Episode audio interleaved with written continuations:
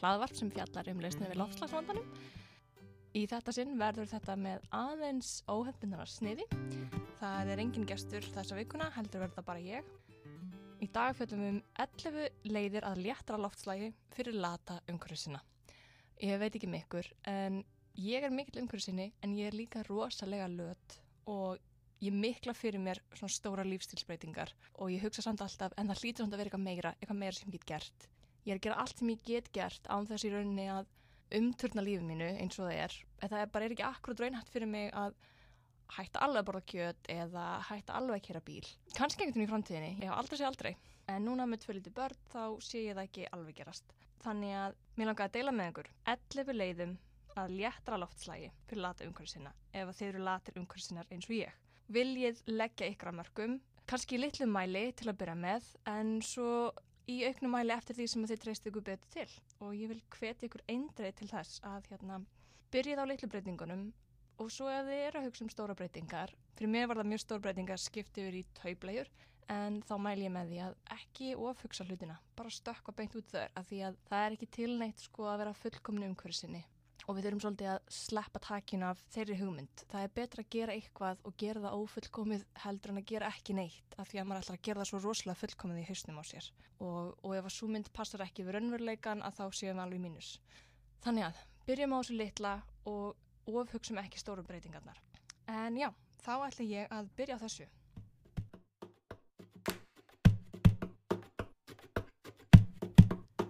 11 leiðir til að minga umhverfsborðið þitt og hafa jákað áhrif á umhverfið og leggja ykkar lóð á vogaskálanar. Númer 1. Verum forutinn og kynnumst okkur sjálf. Við rættum þetta svolítið í síðasta þætti með henni snjólegu, sjálfbarnir aðgjafa og hún hvart okkur til að spurja okkur hvað skiptur okkur máli. Hverju getur við sleft, hverju getur við ómögulega sleft og þannig getur við komist að því hvað hvað er raunhafsta leiðin fyrir okkur að leggja okkur á mörgum til lofslagsmála. Og þegar við skoðum hvað við ætlum að velja og hverju við ætlum að hafna, þá getum við líka skoðað hvort það séu til umhversverðni leiðir til þess að uppfylla það sem við teljum okkur ekki geta sleft. Númið tvö. Langar það eða tíma á netinu og gróðu setja trí í leiðinni. Þá skaltu skipt út vennilegu leitavélinni og nota í Kósia í staðin. Það er E-C-O-S-I-A.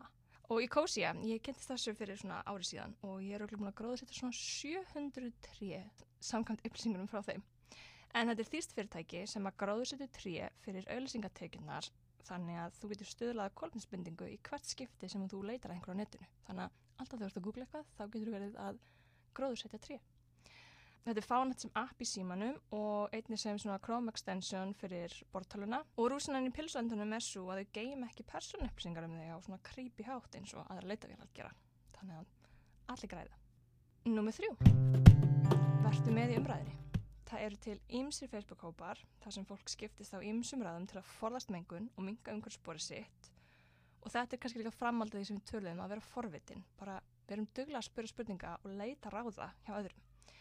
Uh, og það eru hópar eins og Ruslfrýr lífstíl, Zero Waste Iceland og hópurinn Hvað getur við gert, áhuga hópur um endurvinnslu og endurnýtingu, samtökum bíleisann lífstíl, lífstíl að betra loftslægi og svo lengi mætti telja. Það er fullt af grúpum þarna, það kom nýlega upp fermingavislur, bara ef þið vant að skrauti í fermingavisluna. Þá er fólk að gefa eða selja það sem það hefur þegar keipt í veislu og má nota oftar en einu sinni. Númið fjögur þetta við þína nánustu og við samstagsfólkið þitt og við kunningja. Af því að því meira sem við ræðum málinn, því líklara er við til að hrinda á stað viðhórsbreytingu sem leiðir til verulegra og varanlegra framfara í loftslagsmálum. Og við finnum frekar lausnir ef við leitum við vandamálun okkur upp á yfirborðið frekar að byrja ávíkjörnar inni. Og heldum umræðin bara gangandi. Það er, þetta er rosalega óþægilegur sannleikur sem okkur langar rosalega mikið að gleyma og við leitum að hver bara hvert tækifæri af öðru til að reyna að gleyma þessu. Bara í hvert skipti sem við förum át að versla eða sjáum eitthvað flott á netunum okkur langar að kaupa eða stígum við bílun okkar að því við verum svo mikið að drífa okkur og verðum bara að komast beinustu leið okkur langar alltaf að gleyma þessu og horfi hérna áttina. En með því að halda orðum að tala um þetta, bara minnast á þetta, spurja annað fólki kringum þig hvort það hafi ágjur af þessu, hvort það hafi leitt hugan af þessu, þá eru við að halda umræðinu gangandi og þá heldur hún dampi. Þannig að gerðu þetta í næsta matabóði. Bara spurja hópin, hafið verið að horfa þess að þætti, hvað hefum við gert? Hafið leitt hugan að því hvað við mingum mikið, hvað Íslandingar eru með hátt kólminsspor. Hvað finnst ykkur það? Og einmitt bara spurja spurninga. Þannig verður umræðin svona gagvirk en ekki bara einhliða. Númið 5. Mundu að þú ert fyrirmynd og ekki bara barnan ykkar eða litla fólksins sem kringum ykkur heldur við erum, við erum öll fyrirmyndir jafningi okkar. Ef við flokkum, ef við borðum minna kjöt, ef við notum ramagsbíl, þá er það líka líklagra að nágrannin og sessunautin og samstagsfélagin og makinn gerir það líka. Þannig að það litla sem við gerum, þótt við heldum að það sé rosa lítið og það hafa engin áhrif, þá hefur það viðtækra áhrif heldur en við gerum okkur grein fyrir. Númer 6. Það er óþarfi að skamast. Þótt við viljum deila góðum ráðum og, og tala við fólk og halda umræðinu um loftasmál gangandi, þá er óþarfi að skammast og það er óþarfi að benda fingur og það er vegna þess að skammir bara döga ekki. Og það sem meira er þá hafa þær þegar öfug áhrif af því er fæla fólk frekar frá hreyfingunni heldur en að valdablaða og það sem gerist er að við erum þá að útiloka fólk frá umhverfsmálum bara því þeir eru ekki að fara rétt að að okkar mati. Þannig að sá átti ef að tengdafólkinu eru ekki vegan. Það, bara, það er ekki okkar að dæma heldur ætti við bara frekar að líti einn barm og skoða hvað við getum gert til að leggja okkar mörgum og hvernig við getum verið fyrirmyndir. Og í staðin fyrir að dæma bara spurum bara, spurum annað fólk hvað skiptir þau máli? Vist, kannski er hægt að hafa til fólks á einhvern annan veg heldur en endilega umhverfisvitundar. Sömur eru bara spá í að reyna að spara og það má alltaf, og það má benda þeim á ímsa kosti sem eru ódreif fyrir þau og bara svona skemmtilega vill til að þau eru líka góð fyrir umhverfið í leiðinni.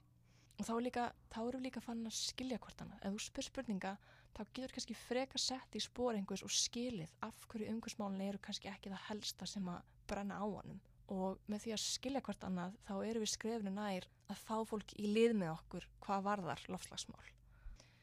Já, það er óþarfi að skamast. Það er í lagi að vera latur umhverju sinni, það þarf ekki að vera fullkomnu umhverju sinni en það er bannað að vera dónalegur umhverju sinni. Og númur sjö.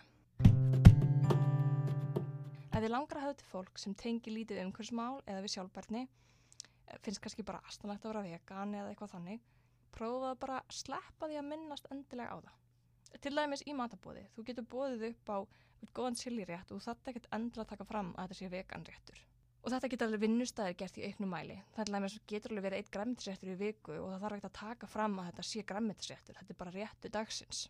Og þá hættir fólk að spá þessu. Það hættir að hugsa bara, ó nei, ég ætla ekki að velja þetta. Ég ætla frekar að velja farútfam pulsu.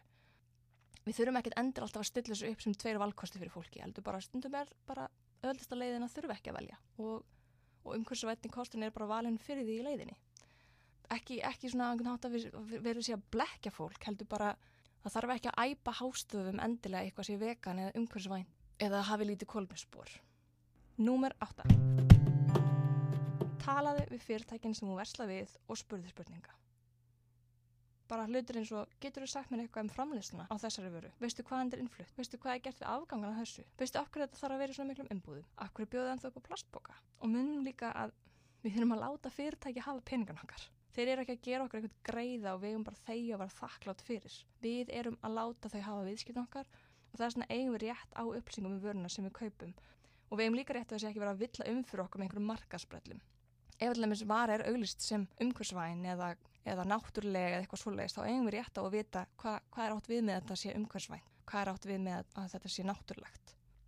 Og reyndar að þessu sögðu þá vil ég líka minna á að það er ekki þar með sagt að ég lagi vera dónalegur sérstaklega ekki við afgjörstu fólk og fólki þjónustastörfum og við þurfum að muna að þetta er sjálfnast fólki sem að ræður vörúrvalinu eða ræður hvað er keift inn og þetta er ekki endur fólki sem býr yfir öllum svörunum en það má alltaf byggja afgjörstu fólk eða þjónustu fólk bara um að koma skilabóðum á framfæri við yfirmenn sína og þannig sendum við líka fyrirtækjum skilabóðum að við séum að vera meðvitaðir sem neytundur og það sé ekki lengur cool að vera að menga eða að vera með hátt kólmispor og svo framvis.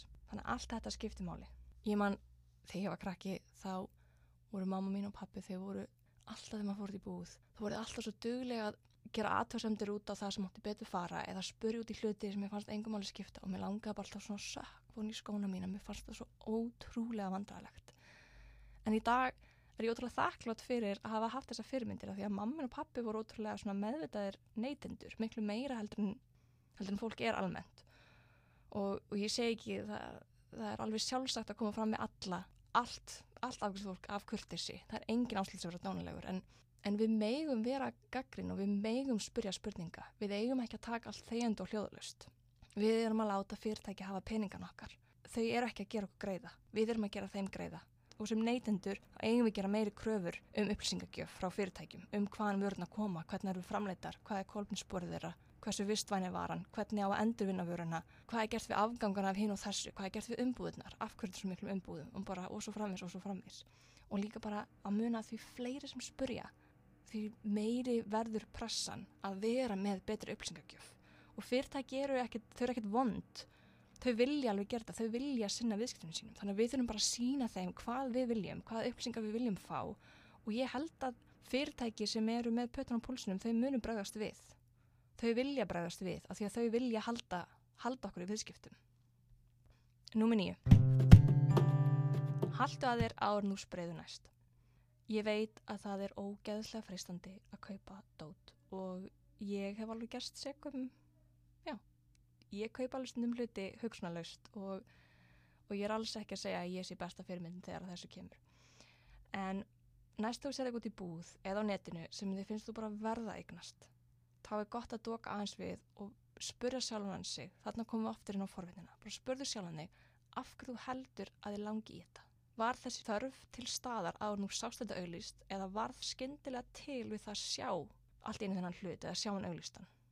Kanski, kannski er þetta eitthvað sem er búið að vanta lengi, eitthvað að leita lengi og bara allt í góða læg með það. En munum við ennþá hugsa út í þennan hlut þegar við erum gengin fram hjá búðinni eða þegar við bara lokum brásartum? Munum við ennþá hugsa í hlutin eftir sólarring, hvað þá eftir viku? Uh, eitt gott ráð sem ég get alveg mælt með er að búið til lista í símanum eða, eða gera Pinterest síðu.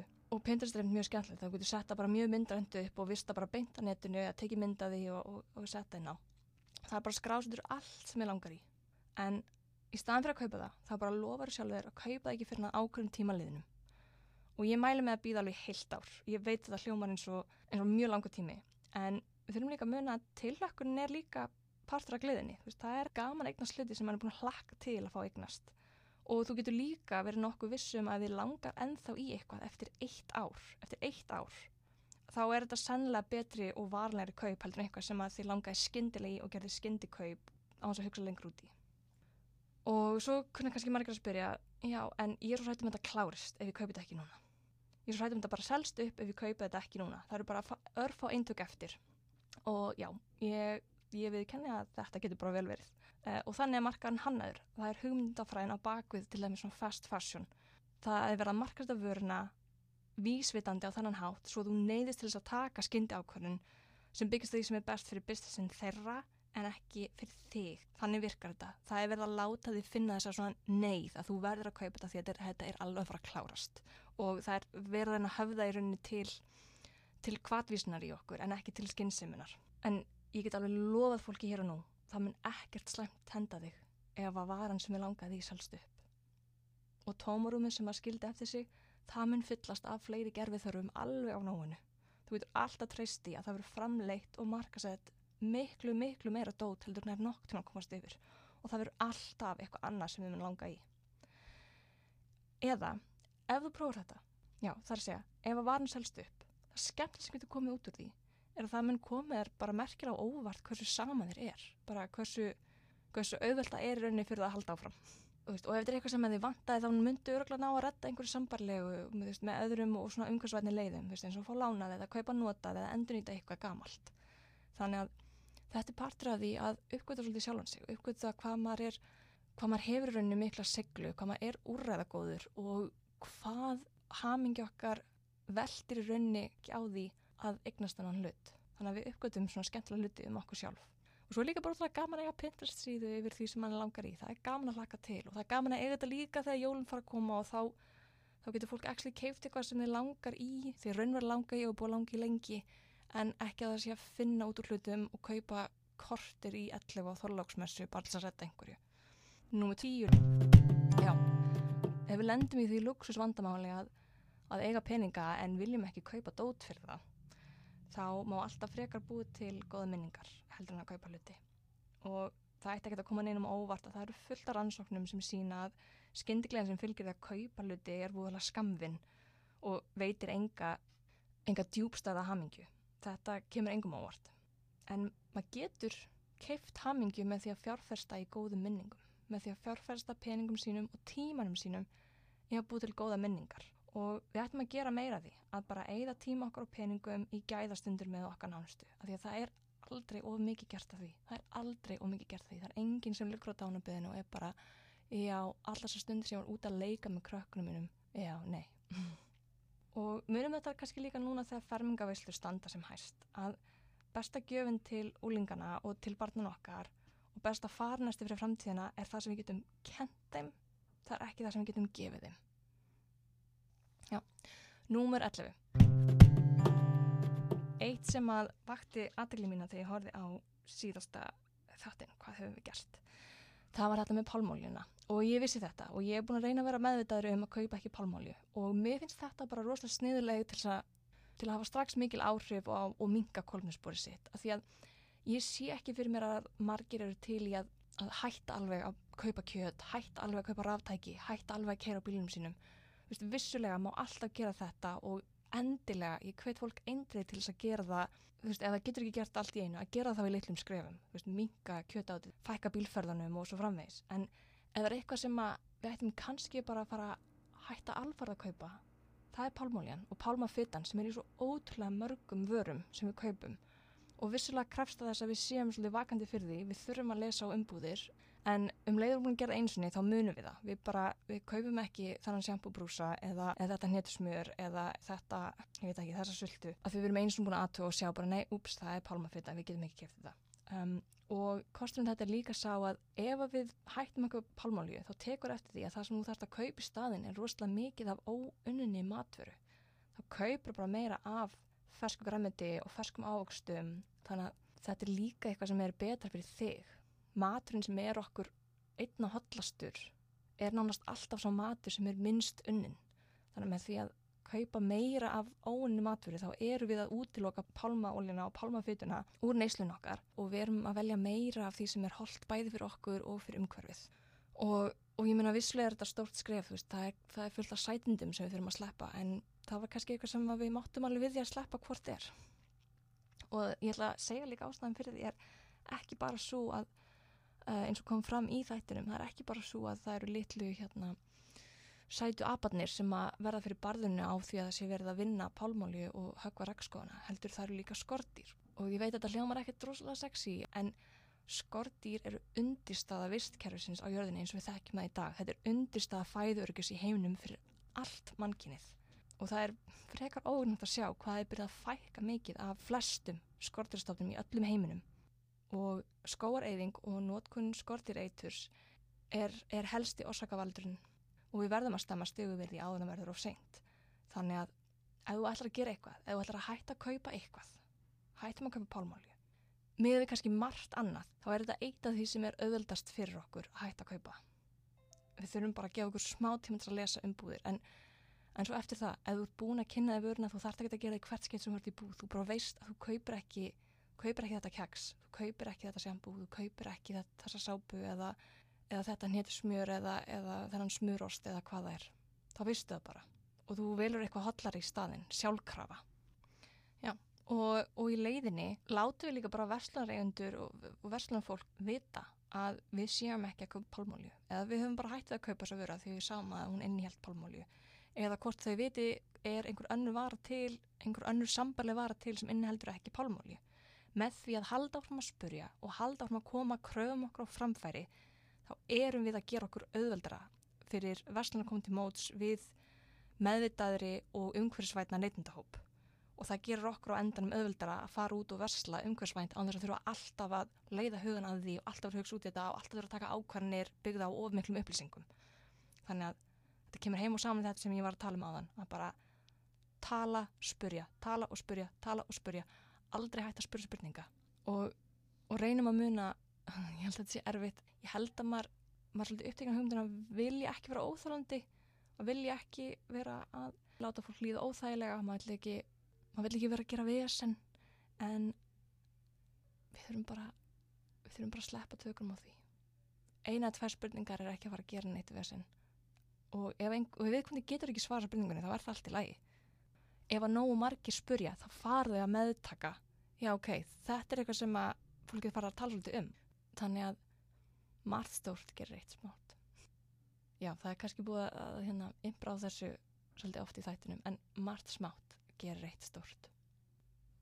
Já, þannig erum við búin með mín 11 ráð, ég vil endilega hvetja fólk til þess að bæta við í kommentunum hérna á Facebook síðinni eða á Instagraminu, hjúpurinn um, hvaða fleiri ráða er í hug hverju það vil deila um, höldum umræðinu bara gangandi og þið getur líka sendt á mig hjúpurinn.gmail.com ef við erum einhverja ábyrningar um þáttinn ég vil endilega þetta er það svo, svo spennandi að heyra frá, frá fólki ef það finnst eitthvað vit eða eitthvað varði í þetta.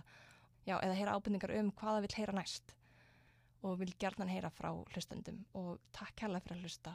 Uh, ég meta svo mikils og ef ég, ég má byggðum eitthvað á móti þá er það bara það að bara tala um þetta.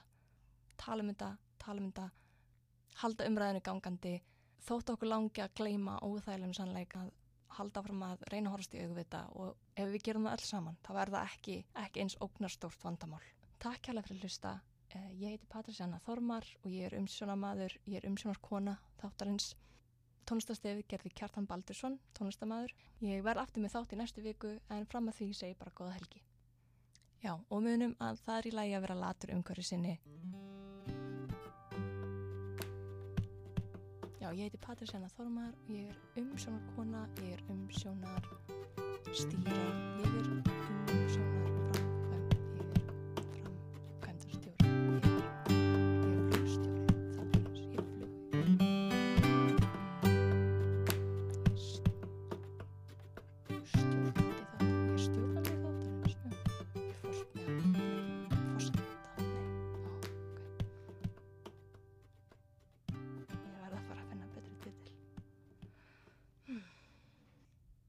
Já, og svo að lókum ég ætla að koma með eitt bónuspunkt, nummer 12 eða nummer 11 pluss. Mætum á mótmæli, alla fyrst daga, millir 12 og 1. Uh, ég hef ekki mætt á all mótmælin, ég veikinn það, en ég hef mætt á einhver mótmæli. Um, þetta eru ekki bara krakkar. Ef þú átt krakka, ég á krakka, ég mæti fyrir þau. Stjórnvöld eru að taka sig á þessum málum og við þurfum að sína þeim að við erum með þeim alla leið og okkur finnst þetta að vera algjör forgangskrafa.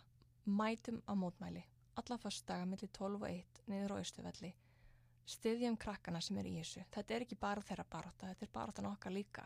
Mér finnst það að veitum að sína stöðningi verki og ef þú vilt kenna barninu eitthvað eins og við tölum um, þú veist besta farnast til lífið er að kenna barninu sínu eitthvað en ekki að gefa því eitthvað. Kennum börnum okkar að það sem að þau segja og það sem þau gera getur haft áhrif. Og ég held að það sé ótrúlega merkilegt vopn til þess að leggja í hendur þeirra er að sína þeim að það sem þeim finnst og það sem þau gera það skiptir máli. Og ef við getum ekki mætt, ég meina stiðum þau á einhvern hátt hjálpum við að búti plakkatin eða bjóðs að skutla þeim niður á, niður á Östuvöll eða að sjálfsögða á ramagsbílunum en nei, nei, bara bjóðum þess að stiðja þau og á, á hvern hátt sem við getum